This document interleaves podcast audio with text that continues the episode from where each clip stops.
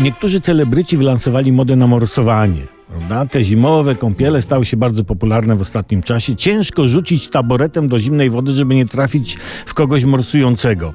Morsuje się masowo i dobrze, ponoć to wzmacnia organizm.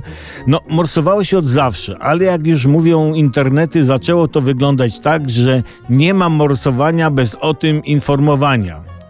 Prawda. I jak już tyle ludzi morsuje, to czynność ta staje się teraz mało prestiżowa, jak torebka Louis Vuitton y, w Lidlu.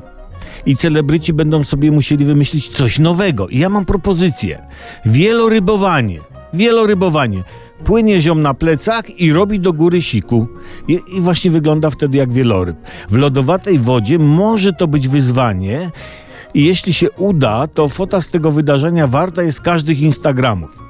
A wracając do morsowania, ono może być niebezpieczne. Niedawno mężczyzna utonął, bo sobie zanurkował pod lód.